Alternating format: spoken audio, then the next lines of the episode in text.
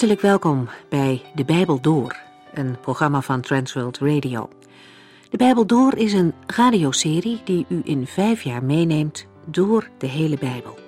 Van Genesis 1 tot Openbaring 22.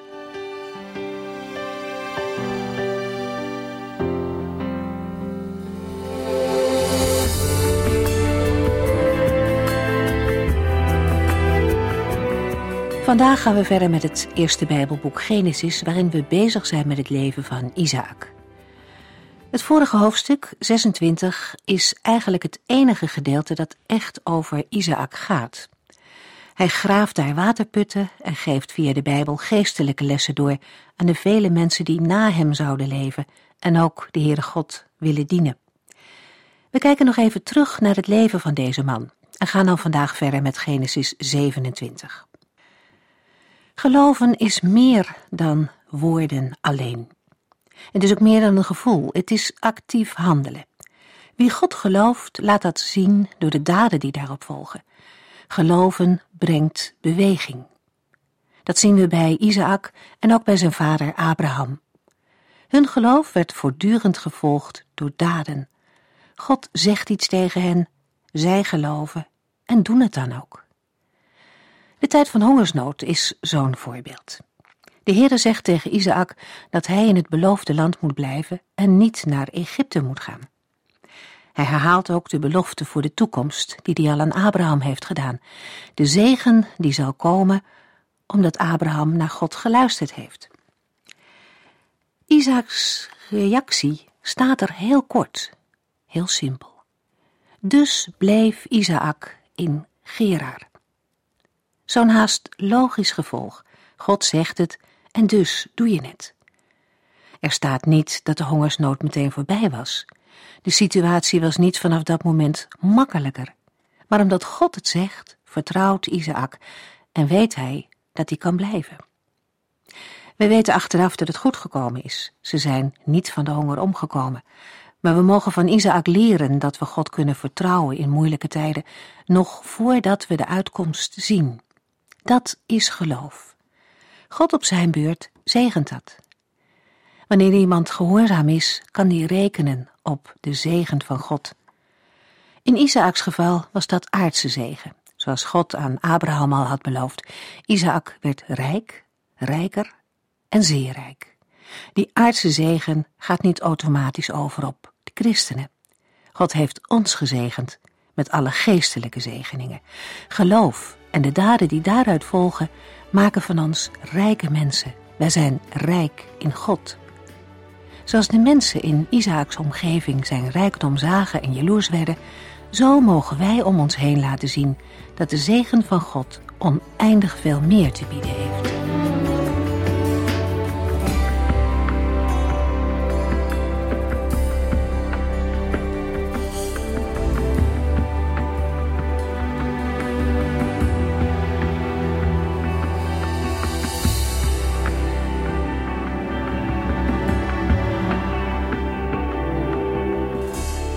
De vorige uitzending hebben we afgesloten met de mededeling over de huwelijken van Esau.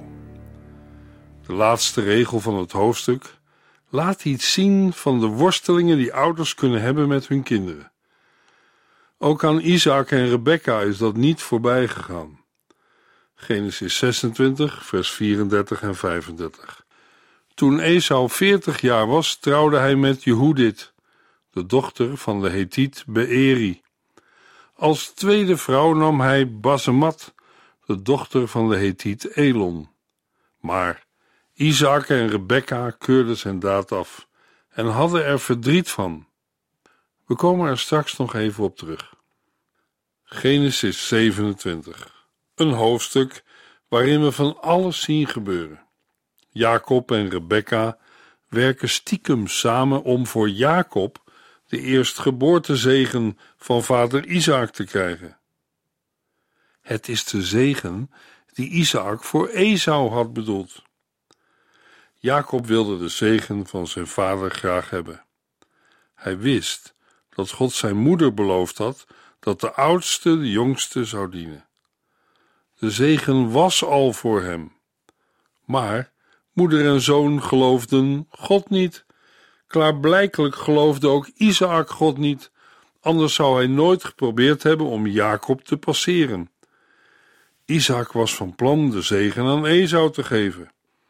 Isaac volgde zijn eigen gedachten en gevoelens, en die stonden haaks op Gods bedoeling en waren in tegenspraak met wat de Heere bij de geboorte had gezegd.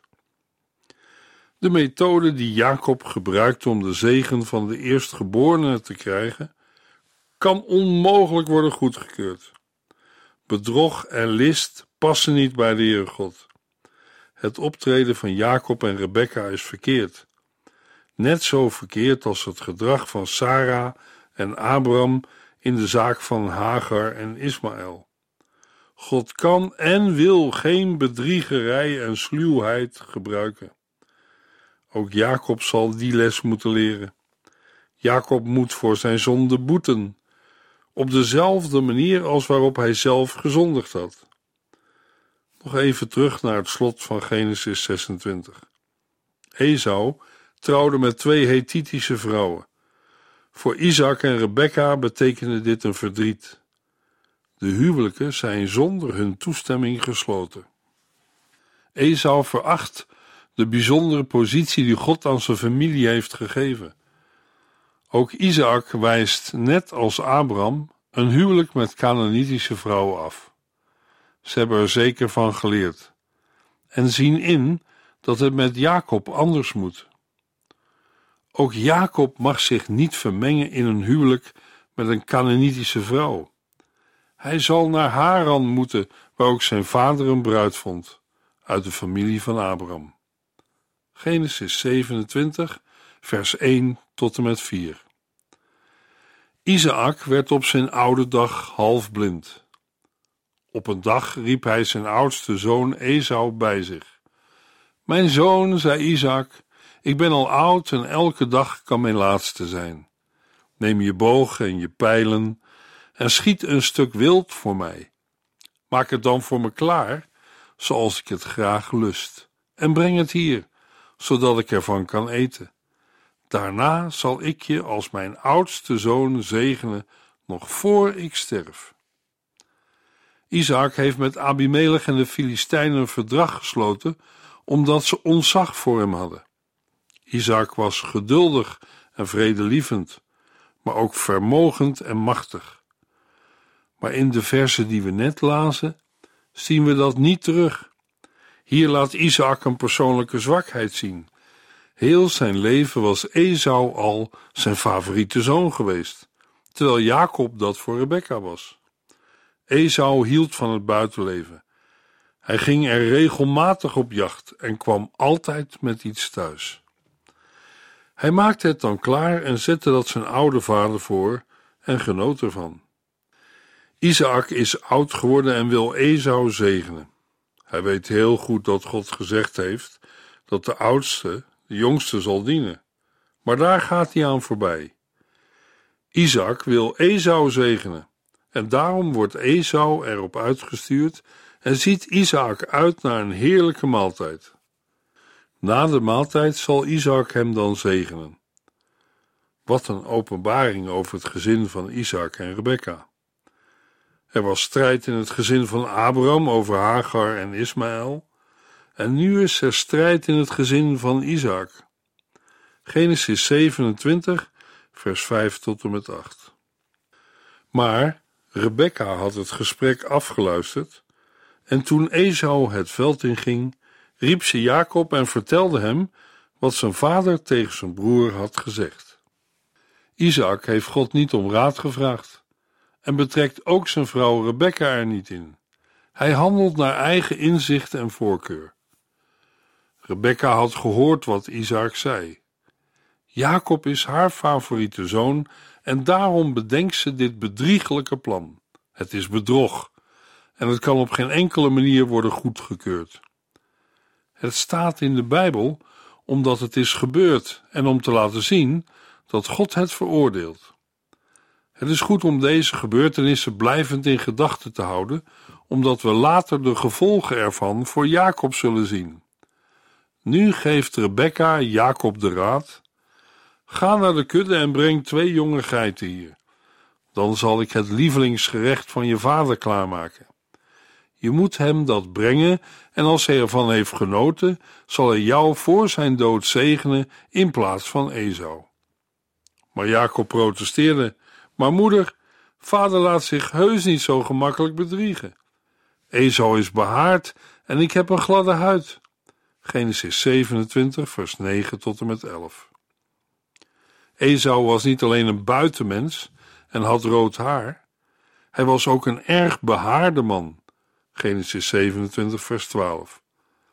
Stel dat vader zijn hand op mijn arm legt. Hij zal denken dat ik hem voor de gek wil houden en me vervloeken in plaats van zegenen. Jacob lijkt niet alleen op een bedrieger, hij is ook een bedrieger. Genesis 27, vers 13 tot en met 17. Maar Rebecca stelde hem gerust. Ik zal zijn vervloeking op mij nemen, jongen, zei ze.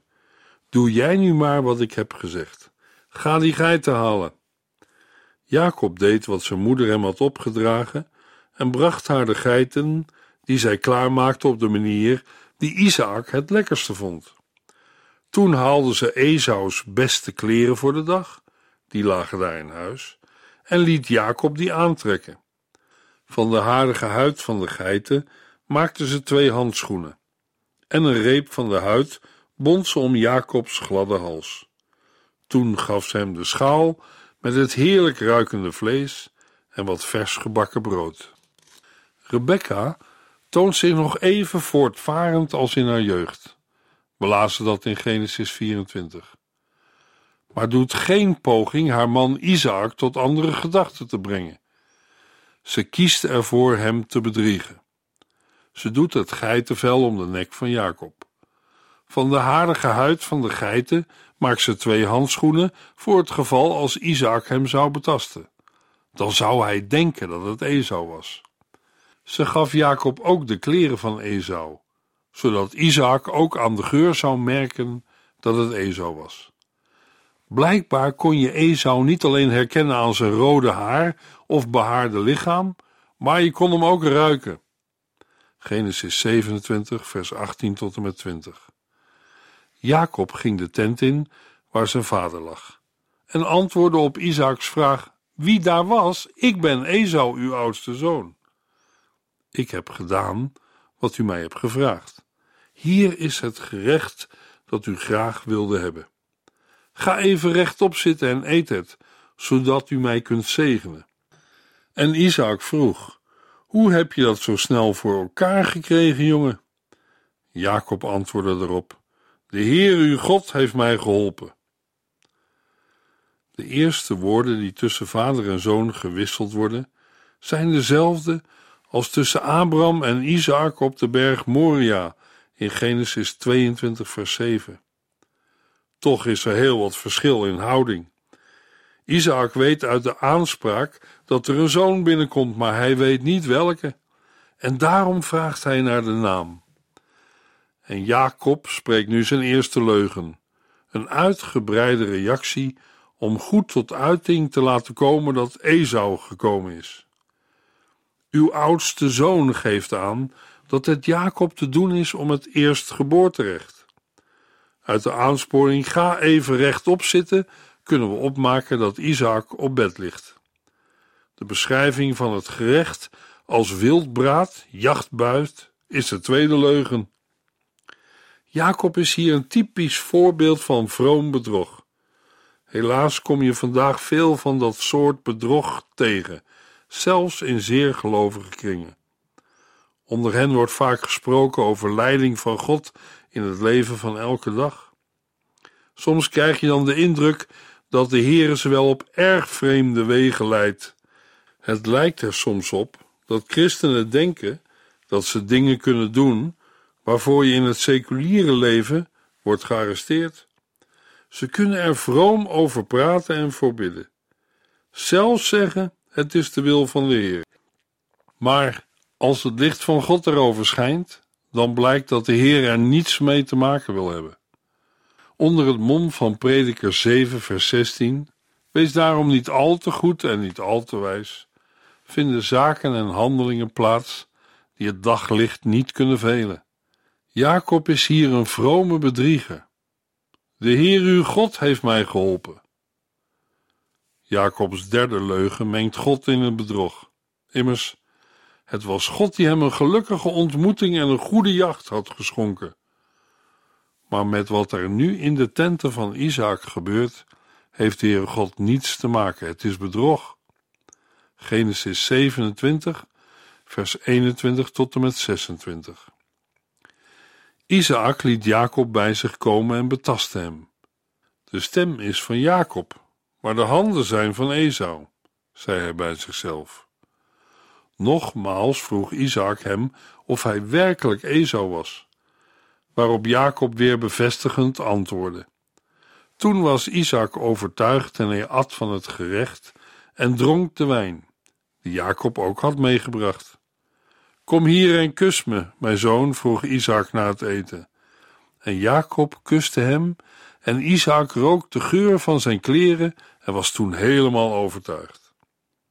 In het eerste gedeelte van de verse die we lazen is te merken dat Isaac wel aanvoelde dat er iets niet helemaal snor zat. Maar Rebecca kende Isaac heel goed. Zij had elk detail uitgewerkt. Genesis 27, vers 27 tot en met 29. En hij gaf Jacob zijn zegen met de woorden: De geur van mijn zoon is de goede geur van de aarde en het open veld, dat de Heere heeft gezegend. Mogen God je altijd genoeg regen voor je oogst, voor je koren en voor je wijnranken geven. Vele volken zullen zich aan je onderwerpen. Heers over je broeders. Je broers zullen voor je buigen. Vervloekt zijn zij die jou vervloeken en gezegend zijn zij die jou zegenen. Isaac geeft de zegen die hij had gekregen door aan Jacob. Canaan wordt niet vermeld. Er is alleen sprake van de vette streken van de aarde. Door regen, koren en wijnranken te noemen, wordt aangegeven dat het om landbouw gaat en niet om de jacht, het beroep van Esau. De nakomelingen van Jacob zullen de andere bevolkingsgroepen overheersen, zoals in de dagen van Salomo het geval was, toen de Canaanitische stadstaten definitief in het rijk Israël werden opgenomen. Het interessante is dat de zegen Jacob al toebehoorde. God had bij zijn geboorte al gezegd dat de oudste de jongste zal dienen. God had Jacob al gezegend, maar ondanks dat zal God dit bedrog niet tolereren. Genesis 27, vers 30 tot en met 33. Na die zegen, toen Jacob nog maar net de tent van zijn vader had verlaten, kwam Esau terug van de jacht. Hij maakte zijn vaders lievelingsgerecht klaar en ging ermee naar de tent. Maar toen hij binnenkwam en zijn vader het eten aanbood, vroeg hij bevreemd: Wie is daar? En Esau zei dat hij het was, en Isaac schrok zichtbaar. Maar wie is hier dan net geweest met wildbraad waarvan ik heb gegeten? Vroeg hij zich verontrust af. Misschien vraagt iemand zich af of wildbraad hetzelfde smaakt als vlees van een lam of geit. Dat doet het inderdaad. De vleessoorten smaken ongeveer hetzelfde. Wanneer Jacob nog maar nauwelijks bij Isaac weg is, komt Esau thuis. Hij moet dan nog de maaltijd klaarmaken. Als alles klaar is, gaat hij ermee naar Isaac. Maar Esau komt voor goed te laat. Esau is op jacht gegaan omdat de zegen hem interesseert. In tegenstelling tot de verkoop onder ede van het eerstgeboorterecht. Hij wil, net als veel anderen, Gods zegen wel ontvangen, maar niet voldoen aan de voorwaarden. De voorwaarden? Ja, de voorwaarden aan Abraham gesteld. Genesis 17, vers 1. Ik ben God, de Almachtige, gehoorzaam mij en leef als oprecht man. Wanneer Esau bij zijn vader komt, laat hij direct blijken waarom het hem te doen is. Niet in iedere vertaling komt dat duidelijk naar voren, maar wel in de grondtekst. Mijn vader sta op en eet van het wildbraad van uw zoon, opdat u mij zegene. Isaac stelt nu weer de vraag: Wie ben je? Deze keer niet door wantrouwen, maar door een verschrikkelijk vermoeden. Ezo antwoordt in argeloosheid: Ik ben uw zoon. Wel met de toevoeging: Uw eerstgeborene. Isaac schrikt en realiseert zich dat er bedrog heeft plaatsgevonden. Hij stelt nog wel de vraag: Maar wie is hier dan net geweest met wildbraad, waarvan ik heb gegeten? Maar uit vers 35 zal blijken dat Isaac weet dat het Jacob was. Isaac heeft Jacob gezegend en hij zal ook gezegend zijn. Genesis 27, vers 34 tot en met 40. Esau begon te klagen: Och vader, zegen mij, zegen mij ook. Maar Isaaks antwoord was onverbiddelijk. Je broer was hier en heeft mij bedrogen. Hij heeft jouw zegen weggenomen. Esau reageerde verbitterd. Geen wonder dat ze hem de bedrieger noemen. Eerst nam hij mij mijn eerstgeboorterecht af, en nu heeft hij mijn zegen ook nog gestolen. Och, heb u geen enkele zegen meer over voor mij? smeekte hij zijn vader. Maar Isaac moest hem teleurstellen. Ik heb hem meester over jou gemaakt en hem jou en alle andere familieleden als dienaren gegeven. Ik heb hem veel koren en wijn beloofd. Wat kan ik jou nog geven? Maar Esau bleef vragen: Och, vader, heeft u dan geen enkele zegen meer voor mij? En begon te huilen. Toen zei Isaac echter: Je zult geen gemakkelijk leven krijgen. Je zult van je zwaard leven. Een tijd lang zul je je broer dienen, maar als je je best doet, zul je je van hem kunnen losmaken en vrij zijn. Isaac is er ondersteboven van. Dat overheerst bij hem. Bij Esau overheerst de verontwaardiging. Esau legt de verbinding tussen de naam Jacob en bedrog. Dat is mogelijk door de klankovereenkomst met het Hebreeuwse woord voor hiel. Isaac had de naam Jacob gegeven in verband met het vasthouden van de hiel van Esau. Zijn naam heeft niets met bedriegen te maken. Het verband met bedriegen wordt pas in Genesis 27 door Esau gelegd op grond van de overeenkomst in klank. Genesis 27, vers 41. Esau haatte Jacob om wat hij had gedaan en dacht bij zichzelf: Vader zal wel snel sterven en dan kan ik Jacob doden. Esau denkt: Mijn vader is oud en zal wel niet lang meer leven.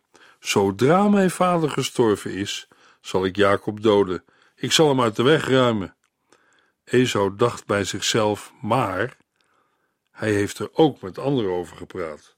Genesis 27, vers 42 en 43. Maar iemand kreeg lucht van zijn plan en vertelde het Rebecca. Ze riep Jacob bij zich en vertelde hem dat zijn broer het op zijn leven had voorzien. Je moet naar je oom Laban in Haran vluchten, zei ze. Weer zien we dat Rebecca de zaken in eigen hand neemt. Ze zegt tegen Jacob: Je moet het huis verlaten. Ze had er toen nog geen flauw benul van dat ze haar lievelingszoon nooit meer zou zien. Ze zei Jacob dat ze hem voor een poosje wegstuurde, maar het werd een lange tijd. En ze was gestorven voordat hij weer terugkwam. Bedenk dat Jacob haar lieveling was. Ze wil dat hij naar haar broer Laban gaat, en daar stuurt ze Jacob dan ook heen. Bij Laban zal Jacob zijn lesje leren. Daar krijgt hij een koekje van eigen deeg. Oom Laban zal hem scholen. En Jacob een paar dingen bijbrengen. Jacob dacht dat hij slim was, maar oom Laban is wat dat betreft een oude rot in het vak en heeft meer ervaring. Jacob zal ontdekken dat hij nog maar een amateur is. Voordat het allemaal achter de rug is, zal hij in wanhoop tot God roepen en zijn moeder niet meer levend terugzien. Genesis 27, vers 44 en 45. Blijf daar tot je broer van gedachten is veranderd en je daad heeft vergeten. dan zal ik iemand naar je toesturen. Waarom zou ik jullie allebei op één dag moeten kwijtraken? Rebecca stuurt Jacob voor een bepaalde tijd weg. Tot Esau zijn daad heeft vergeten. De tijd dat Jacob wegbleef, werd uiteindelijk twintig jaar. Na al de gebeurtenissen en het vertrek van Jacob zal Esau waarschijnlijk niet erg positief over zijn moeder hebben gedacht. De sfeer in huis is er niet beter op geworden. Genesis 27, vers 46. Tegen Isaac zei Rebekka: Ik heb een hartgrondige afkeer van die Hethitische vrouwen van Esau. Ik sterf nog liever dan dat ik Jacob met één van hen laat trouwen. Uit het voorgaande weten wij dat Esau Canaanitische vrouwen had getrouwd. Dat had verdriet gebracht bij Isaac en Rebekka. Nu zegt ze tegen Isaac dat als Jacob blijft, dan zal hij waarschijnlijk hetzelfde doen. Rebecca gebruikt deze situatie als een excuus om Jacob van huis weg te krijgen. Zeker ook met de bedoeling om hem tegen Esau te beschermen. Rebecca heeft overleg met Isaac om hem ervan te overtuigen dat het goed is om Jacob naar haar broer Laban te sturen. We weten hoe Abrahams dienaar heen is gegaan om een vrouw voor Isaac te zoeken en toen met Rebecca terugkwam.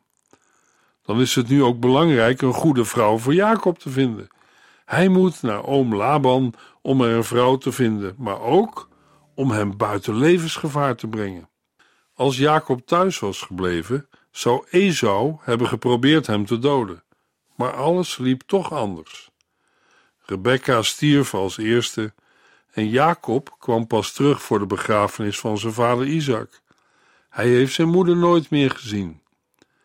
In plaats van de mogelijkheid zich te onderwerpen aan Gods bestemming voor hun leven en die bestemming in geloof te verwachten, menen alle vier de hoofdpersonen, Isaac, Rebecca, Esau en Jacob, de vervulling van de belofte op een eigen manier te moeten beïnvloeden. Hierdoor halen ze veel leed over zich heen en dat zal ook in het vervolg blijken.